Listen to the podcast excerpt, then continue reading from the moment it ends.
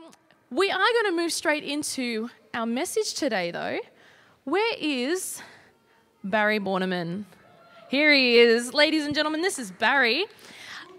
Barry is, if you remember last week, he's the character that surprised Rob when he appeared suddenly in the crowd um, after travelling all the way to Northern Territory, to the border there. Barry is a, I don't even know how to describe you.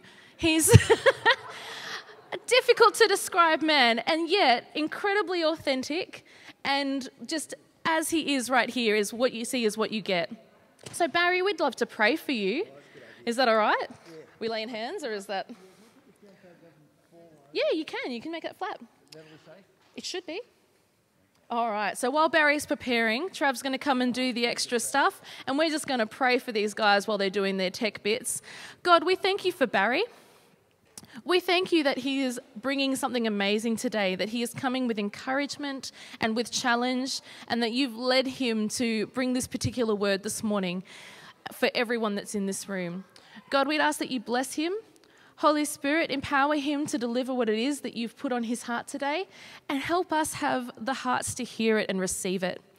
We thank you for what you're doing in this room this morning, God. And we pray this in Jesus' name. Amen. Awesome. Would you like this one? Yeah, you can have that. There we go. Thanks, Barry. Thank you. Hello, everybody. How you doing? Good. Huh?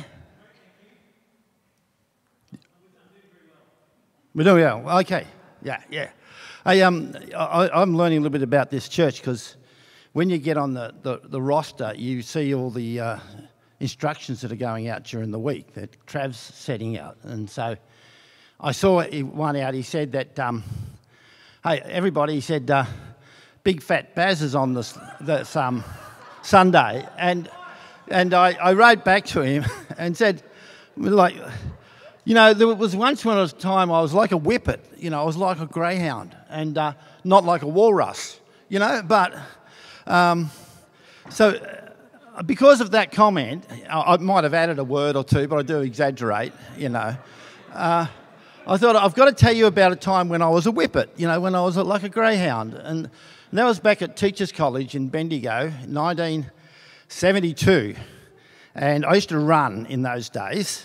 I, never really trained to be a runner. I just ran everywhere, and that was my training. And, uh, and so the cross country cup race came up. And um, the first year I ran it was a sad story because I didn't realise it was on. And those who know me can understand that. And I arrived at the college and saw that the cross country run was on. I didn't have any running shoes, so I ran bare feet. And man, the bitumen in the last hundred, last kilometre killed my feet and um, I couldn't walk for a couple of weeks, but I did come in third, so I was pretty pleased. But the next year, I decided I was going to win, and I had a noble reason. I was going to win for God.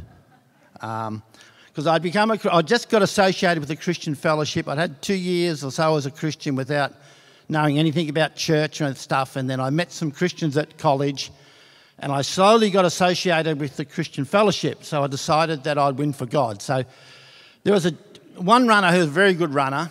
Uh, uh, he was taller than me, uh, had really good stride, uh, and um, I knew if I could beat him, I'll win. Anyway, we're in the race, and he's running along in front, and I trailed him as best I could for the first, it was a three mile race. So for two thirds, and I'm behind, and you know what I'm saying to myself? I'm doing, I'm going, I can do all things through Christ who strengthens me. I can do all things. And I'm saying this over and over and over in my head. And we're uh, probably heading up towards about uh, six or seven hundred metres to go uphill. And he's getting away from him. I can't keep up with him. And I'm going, I can do all things through Christ. So I decide to surge. Surge, you know, like. And I took off and I came past him. And as I went past him, he goes, You've got me. You know, and well, you know what happens then? You get another adrenaline rush, and within the next, you know, 500, uh, 50 yards, I was 25 yards in front of him, and I went on to win the long distance cup. I can do all things through Christ who strengthens me. The only thing I need to tell you that is about the worst exegesis of that passage that you could ever come up with, because Paul was not talking about helping me to win a long distance race. He's actually not talking about you can do all things. He says you can do these things, is what he's referring to. And, this goes to sleep on me. Let's put that text in context. It says, this is out of Philippians. I know what it is to be in need. He's in jail, by the way, when he's writing this. So I know what it is to be in need. I know what it is to have plenty. I have learnt the secret of being content in any and every situation, whether well fed, whether living in plenty or in want. I can do all these things through him who gives me strength. And of course, Philippians is also earlier on, he said, For me to live is Christ and to die is gain. Now, that's an amazing promise. I know in some circles we like to believe that as followers of Jesus, the idea that we can do whatever we think and be successful in whatever because we're Christian is a great promise. But this is a better promise. It's a much better promise that we can do all things whether we're hungry or whether we have plenty, whether our bank account is full or whether it's not, whether I have a superannuation policy or no policy, whether I am in jail or not in jail, whether whatever that constraint is. For the follower of Jesus, we can do all that.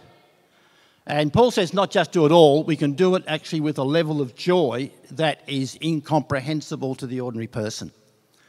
You excited about this? I am, I tell you. Now, so my text, my, my, what I'm talking about today is doing life when awful circumstances outside our control overwhelms everything.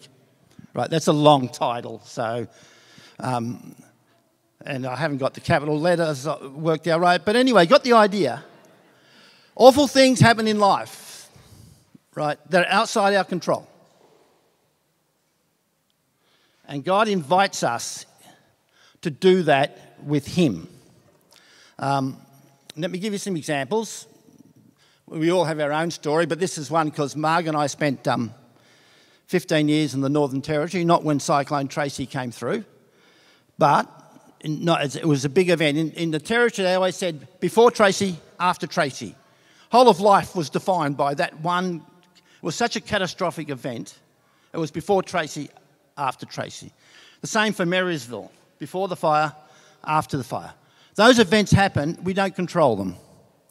There was loss of property and life, and I've put a few illustrations up pictures up for you to get the feel.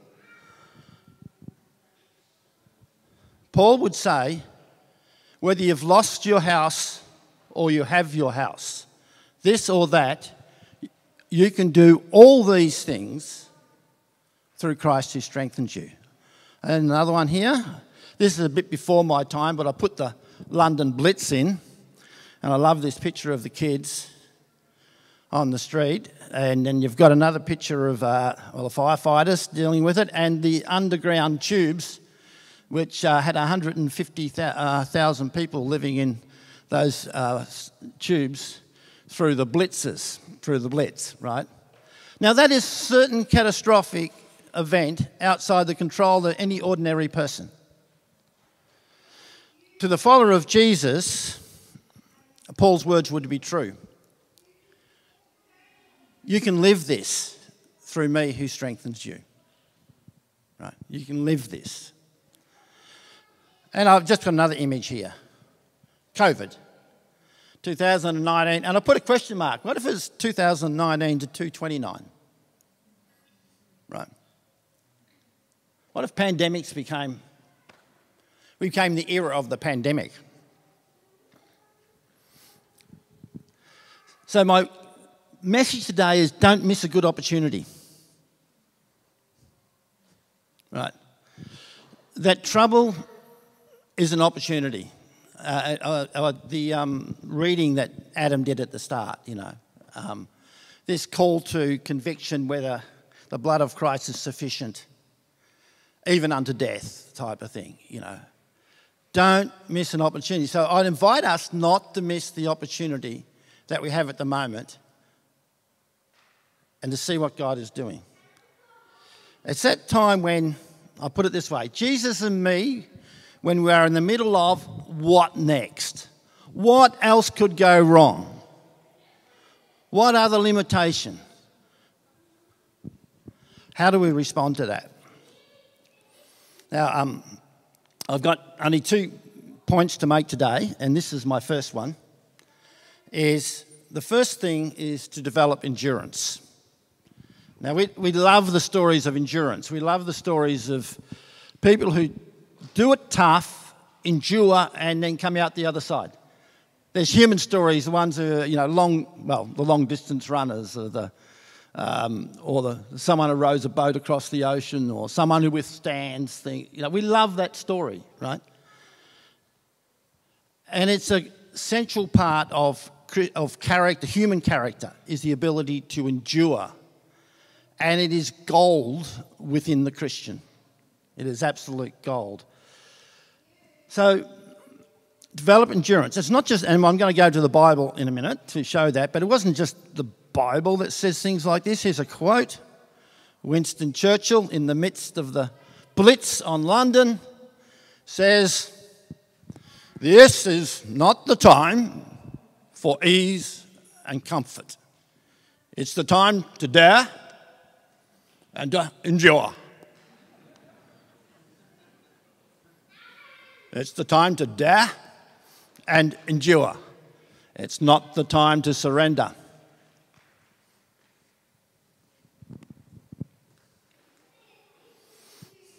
Endurance. Why is endurance important? Well, my first proposition is we endure because we worship a God who endures. And I've um, Psalm 139 36 has that all the way through. But here's a few. Give thanks to Yahweh, for he is good. His faithful love endures forever. This statement repeat as a refrain of the, of the Hebrew community. Your throne, O God, endures forever and ever.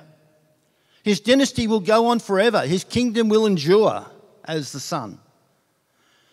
But you, O Lord, will sit on your throne forever. Your fame will endure every generation. And then this give thanks to the Lord, for he is good. His faithful love endures forever. Now, that's a nice sort of statement, but when you think about how humans behave, right? when even when you think not just the Hebrew nation and the, and the, and the um, worship of idols and other things that went on. Just think of our own life. And the promise is that God's love to us endures forever. And don't you reckon God needs some endurance to keep loving us? right? Isn't it good that He's got this attitude that God loves to endure? He doesn't give up from the beginning of time to the end of time. And I've done enough stuff in my life that if it was me, I could be going, oh, I've almost had enough of him. But not God. He's an enduring God, steadfast. And that how he is towards us. So when I say that um, grab the gold that is in a, mis- a misfortune, grab the gold that's in this COVID experience is that if we learn to endure as Christ's people, it's like we're getting to know God. We're getting to know his character because that is how he is. And um, I'll put this up here. We endure because Jesus endured. He did not shirk from what was in front of him and he knew fully what was coming. When he endured hardship, he is inviting us to join him. Luke 9 22. The Son of Man must suffer many terrible things, he must be killed, and on the third day, he must be raised to life. Now, Jesus is prophesying this, and he walks the path. Right? Isn't that amazing? That's called endurance. Matthew 13 13. And everyone will hate you, Jesus says, because you're my followers, but the one who endures to the end will be saved. Right? So, I think I've made the point that endurance is really good. It's part of who we are, but it's only really developed when there's trouble. Right? Romans 5 3. We can rejoice too when we run into problems and trials, for we know that they help us develop endurance, and endurance develops strength and character. Now, I, love this idea. I don't know if you're there reflecting, everyone's going to have these stories in your life, right? Some huge and some not so huge, where you've called to persevere in Christ.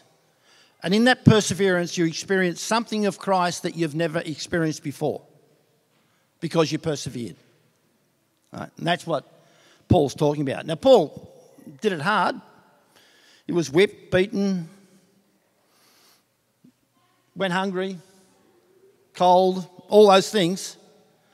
So he's not writing some philosophical statement. The Bible is not a theological set of statements that you go, oh, they're nice statements. The Bible is a relationship with Jesus, right? The Bible's about a relationship with God. It's about the character of God invading our character. And that Paul got that. Hebrews 12 22. And let us run with endurance the race God has set us before us. We do this by keeping our eyes on Jesus, the champion, who initiates and perfects our faith. Because of the joy awaiting him, he endured the cross disregarding the shame. Oh, thank you, Lord, that we worship a God who endures, that didn't give up on humankind. That is just an amazing act, Lord. That, um, that is how you are, beginning and end. And you will see us through this life. You'll endure, your love will endure towards us. And we delight in that. And Lord, we just ask for a little bit of your endurance so we can understand you a little bit better. So we can identify with you a little bit better. In Jesus' name. Amen. I'm going to give some examples here now of endurance. Um, now, this Betty Cuthbert, the Golden Girl, I used to read her story when I was a young kid. I used to read about Betty Cuthbert, and uh, she won the gold medal at the uh, Melbourne Olympics. And then she retired. Then she came back and she won the 100 metre, 200 metre at the Melbourne Olympics, and then the 400 metres at the Rome Olympics. The only person, Olympian, to win the 100, 200, and 400 metre gold medal. That's not a bad effort. Um, how many people know about um, Betty Cuthbert here? There's enough oldies around here, good. Uh, or anyone who's uh, into athletics would have heard of her. Now, Betty Cuthbert, when she was 31, was diagnosed with multiple sclerosis. Right? So she's an Olympian. So that's only five years after she won the 400 metre gold medal. When she was 47 years of age, she discovered a personal relationship with Jesus. And she said, um, she went to a meeting. Um, she said, I've, she, was, she always considered herself a Christian, but she was totally private Christian. She said, and this person said, You can't be a private Christian. This might fit in with what you're talking about, Rob. You can't be a private Christian. You have to, you, you live your Christianity in the public world. And she stepped forward at that and she said, an amazing encounter with Jesus. She was 47. And then she thought about asking him to heal her. And she said, I went to ask him to, her to heal me, and then he said, she said, then I met the healer. Then I couldn't care less about the healing.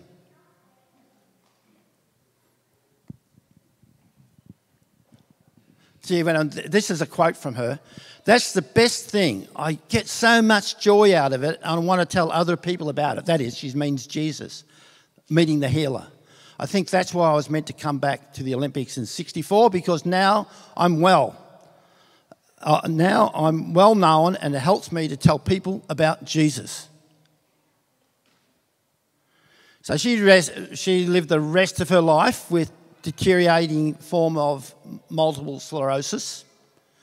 And she was amazing testimony to the power of Jesus in a transformed life. I love that term. I went to get healed um, and I found the healer. Then I couldn't care less about the healing. Now, is this a story of endurance? That she had physical limitations that in the end of the day, she said, did not matter because they placed her in a relationship with God that was special between her and Him. She says, I never once asked God, why me? And instead knew that God wanted, uh, she, she, oh, this is a quote from Wikipedia. She knew that God wanted her to use it to help other people. Now, she set off and she basically raised awareness of MS Australia wide and started a research thing into MS. So she, was, she, was, uh, she would talk freely about Jesus done in her life, and she spent a, a lifetime of um, getting um, research into MS, basically kicked that off in Australia, right? So, can you imagine yourself in that situation? In, in terms of your relationship with Jesus, how you know him, how you interact with him, how you talk with him, that if you have MS like that, Is it why me? Or is it because of my relationship with Jesus, there's nothing I can't do? I can do all things through Christ who strengthens me. He doesn't say, I can do all things through me because I'll remove that problem in your life. Now, this is how life really is, right? We all know that. Well, this is how life is. We'll have different challenges. I, I love that story. There's another story that is a very tough story. Um, Helen Roseveare, a missionary doctor to the Congo. I'm showing my age here. She wrote a book called Give Me This Mountain and many others. So she's a missionary doctor in the 60s. And she was a Cambridge graduate and all this and gave it up to serve as a doctor. And she built hospitals, she made, she made the bricks and built hospitals in the Congo, right? So, how many people know of Helen Roseveare? A couple, right? You go, please blog her, put it in and blog. When the, when the, um, when the Belgian government handed over, left the Congo, because of under colonial rule, there was a civil war. And Helen Roseveare spent five months in, in jail, and everything that Paul experienced and more, she experienced. And I, I don't want to go into what she experienced, but you need to hear her talk about it, right? And um, she had this experience, and as she was being dragged, she had this encounter with God. Well, she already had a relationship with God, but it went, said, um, I'll, I'll quote here what she's read. So Jesus understood not only my desperate misery, but also my awakened desires, mixed up horror of emotional trauma. But I knew Philippians 4:19. My God will supply every need of, your, uh, of yours according to His riches in glory in Christ Jesus was true at all levels. Now, when she's saying all levels, she means and all these things that can happen, not just the good, but the bad and the ugly, right? I found it was true at all levels, not just on a hyper spiritual shelf. Not just when I'm in worship with the whole community of God and just enjoying the presence of God, did I feel like he supplies all my needs. But when I'm in the dungeon and when I'm in the most despicable place and where I do not want to be, I still found He supplied my needs. So, do you believe that? Well, the only way you can know it, and all of us actually have endured, every one of us in this room, because that's how life is, and we all have a different story, and we'll have a story of God turning up for you. Right? Uh, they're just wonderful stories of God turning up in the pain. And goes, she said, He was actually offering me the inestimable privilege of sharing in some little way in the fellowship of His suffering. Some little way. Now, she, she's a, you, you have to listen to her. So write it down and blog it, right? And uh, she's just full of the joy of the Lord. She's just amazing lady, right?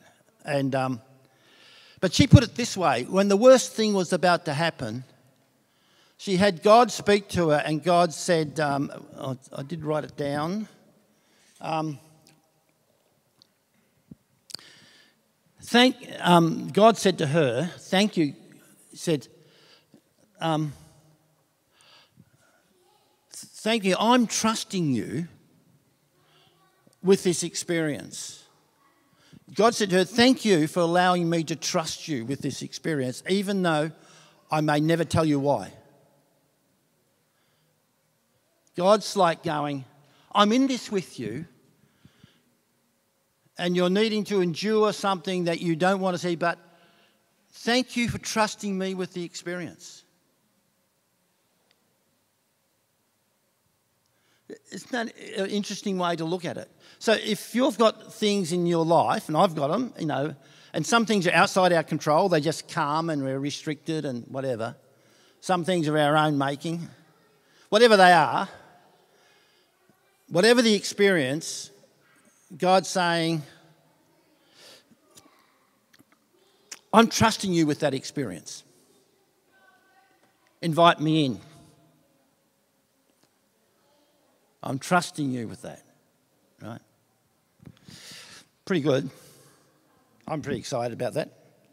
Um, now, I'm just, I haven't shared many personal testimonies, and, I, and I'm trying to think what have Marg and I endured because I don't think I've endured much in my life because I've sort of floated through life really as a Christian. But we did have a time when, two, two occasions when I think I had to endure and God in it changed the perspective.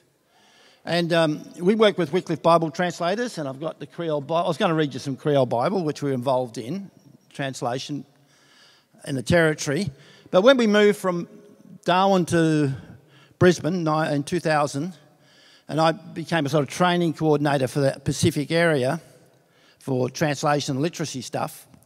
Because we're in a mission where there's no regular salary, it's only what, um, it's only what you guys send us. If you don't send us, that's, we have less. And if you send us more, we have more. So we learned to live whether we had much or little. That was, that was fine. Um, but when we had to move house to Brisbane, we had to pay for it all ourselves. We didn't have an organisation that paid for it. Right, so we used up our savings to move to Brisbane. And we only had our youngest two with us uh, at that stage. The oldest two had left home. And I'm, we're pretty good at managing our finances. We never had a financial issue. But in doing all that, suddenly we finished up one day where we had about $200 in the bank and the car in the uh, garage. And, um, and we thought, oh, okay. We're used to living with $1,000. And we thought we were good, but down to 200, and we don't, at the end of the month, we'll find out how much the church has sent us, right? So, a good situation to be in. Anyway, Marg and I adopted a practice verse that year called The Just Shall Live by Faith. Um, I, had, it's also really bad exegesis, this one is, because um, uh, of this story. But I, I say because Christianity is an experiment. So I used to experiment with stuff. So what's it mean to live by faith, right? And um, just live by faith means faith in the power of the blood of Christ and his sacrifice to deliver me from sin. So I'll live forever and ever with him. That's what it means. But just shall live faith, faith wasn't referring to the finances in its context. But anyway, I was using that. Uh, and we thought, wow, we've never been in this position in our life before. And the really surprising thing about it was we were totally calm about it and didn't have any worry. And I didn't know that was going to happen. I thought I would have worried, right? So you only know when you're put in that situation that where's God? And um, the gist of this story is uh, that um, the end of the month was only one week away. I got a phone call that week when we've gone down to this low level and we're going to be out of money. Uh, a friend, Anglican minister friend of ours, sent us a, one of those envelopes came and we got a check for $5,000. That's never happened before in all our time. And, uh, and, and he said, for your own personal use, not for Wycliffe stuff. And I rang him up and said, you couldn't believe how the timing of this. And he laughed. He said, oh, I've been meaning to do it for ages, never got round to it. And then at the end of the month, we get our monthly bill, a monthly Wycliffe thing. Usually maybe $1,000, $1,500, something. And there was another $5,000 from him. It was 40% of our income for the year in that week. That coincided with no money, right? So that's, a, that's probably an endurance. It was only because we're in that context we found God was there. Right? So we all have those stories, but he takes you to that brink or he takes you to a situation where you have to go, Thank you, God. Thank you, God, that you trusted me with this experience. And you're trusting me that I call on you, I'll find all things. You'll, give it, you'll strengthen me through this, right? Amen. Now, I, I think I'm going to, I've probably gone, how long? Too long? How much? Uh, yeah. Uh, no, you pull me up, won't you, when it's time? Because I could go on all day. Because I want to tell you one other story, because it's about reputation. I, I was thinking endurance is not just about things, but say if your reputation's at stake, that's really hard for us if somehow we're thought less of. And I remember making a decision when I was a director of the mission in the Northern Territory that I should fly all the way around the world to see this guy who was dying of cancer. But we'd already sent him off, and I was in the middle of Australia actually in an Aboriginal community, and he's only meant to live another two days, and it was three days' drive back to Darwin just to get to Darwin. And I'm sitting there, and I'm, I get off, and I'm believing God saying, Go and see him before he dies. Ridiculous. The problem was, I thought it was God. Then you're only left with, Do you do it or not? And so if you don't do it, you don't know. So I went, to do, I went and did it. And before I did, I asked my colleagues about it, and not a lot of them understood it. And I got this nice letter just before I had to decide to book my ticket, giving me eight reasons why it was a totally selfish act. Because no precedent, no one in an organisation ever flew halfway around the world. No one spent that amount of money. You have all these responsibilities, we need you here. Isn't it just you wanting another overseas trip? Da, da, da, right? And I remember getting the letter, and I'd asked another person to pray overnight whether I should go. I remember looking at the letter, and as I'm reading the letter early in the morning, the phone rings, and this lady said, I never thought you should go, but halfway through the night, I was just compelled, you should. So I got both these, and I looked at that and I thought, now this is my little example of endurance. I looked at that and said, Thank you, God, for this letter. This is brilliant. Thank you for the person. Because now I know how I'm going to be misunderstood. Right? They're going to think I'm selfish, misappropriation of money, da da da. Praise the Lord, I'm up for it. Right? Because Jesus was misunderstood. At last, I got a little bit of the shame, just a little bit of it. And I'm gone, this is good. And long and the short, I got a flight and I arrived there, and I just got to him before he died. He came out of his coma for the briefest moment, then he died next day. And I brought him greetings from the Aboriginal community that he worked and da da da. Anyway, they're my two stories of endurance. Everybody here has their own in the past, you have some in the present, and you're going to have others in the future. So, what I'm saying, embrace endurance. Um, I'll quickly go through the rest of this because I just love this, but I've talked about it before. Embrace endurance, embrace prayer and patience. Um, I'm just going back to the church fathers, right? They're the early church leaders who wrote books. The first two big treaties by the church fathers were written on the place of patience in the Christian life. That patience was the virtue that defined the Christian. It wasn't love or joy. They chose. There's a good reason why they chose patience. Because the church was under massive persecution. Here's Tertullian Patience is rooted in the character of God. Patience for Jesus was both a teaching, the Sermon on the Mount, and a discipline, the incarnation. Can you imagine the patience of God to become a human, to limit himself to human form, subject himself to death?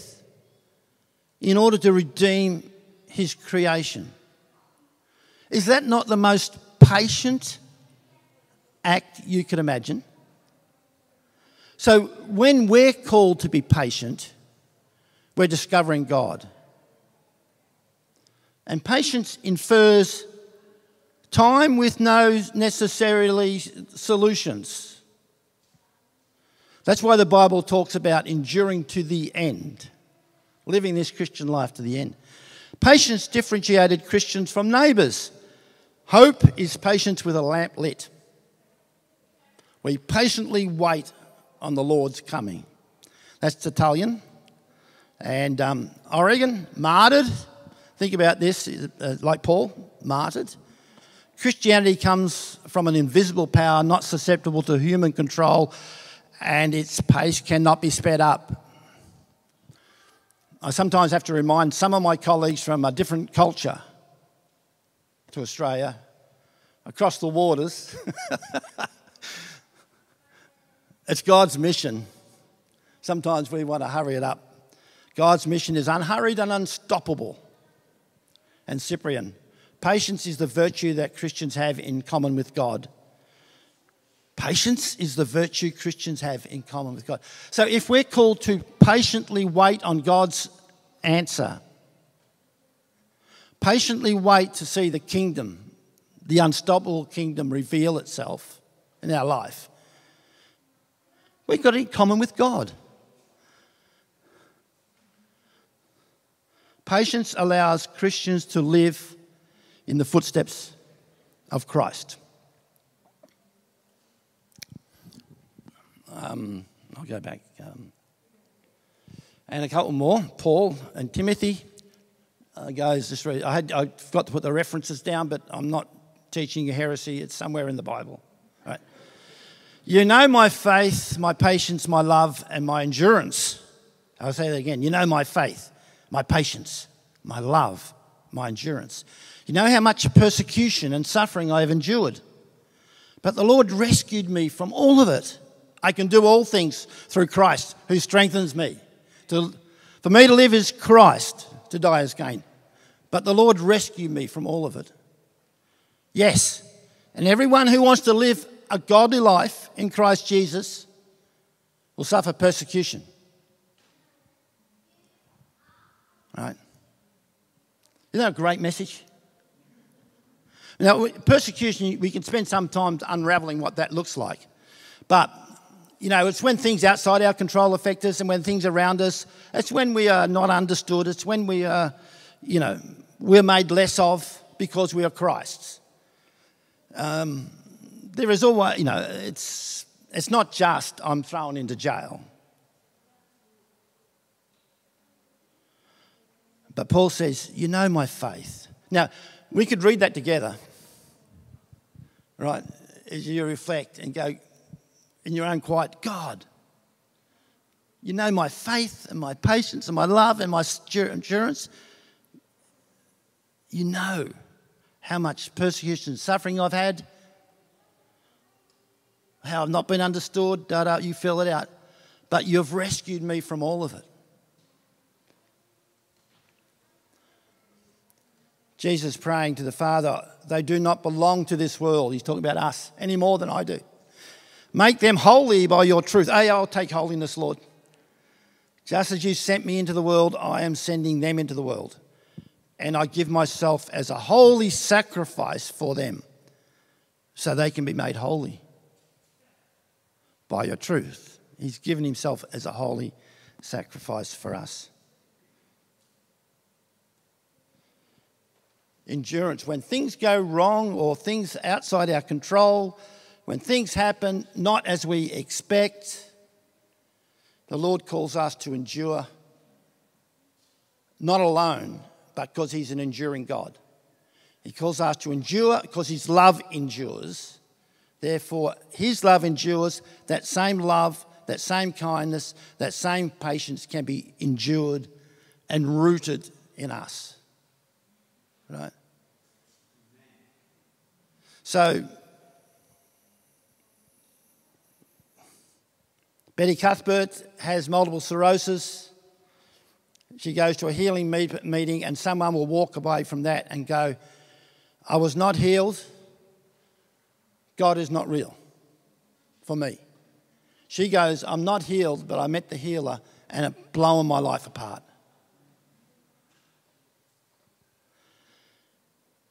Our body's only temporary. So we go for the higher picture, right? The kingdom, the Spirit of God that's in us, that lives forever. Isn't that amazing? All right, I'm going to finish off now. Um, I was just wondering among the musos whether you had one, a, I heard it was called a reprise. Is that the word? I was thinking whether it's one of those songs you might want to sing again. Um, okay. Because um, I just wanted a bit of a time of reflection. Because I want to come, you come out of this just rejoicing, not feeling burdened. The fact that whatever God throws your way, He's in it with you. Jesus is in it with you. And He's saying,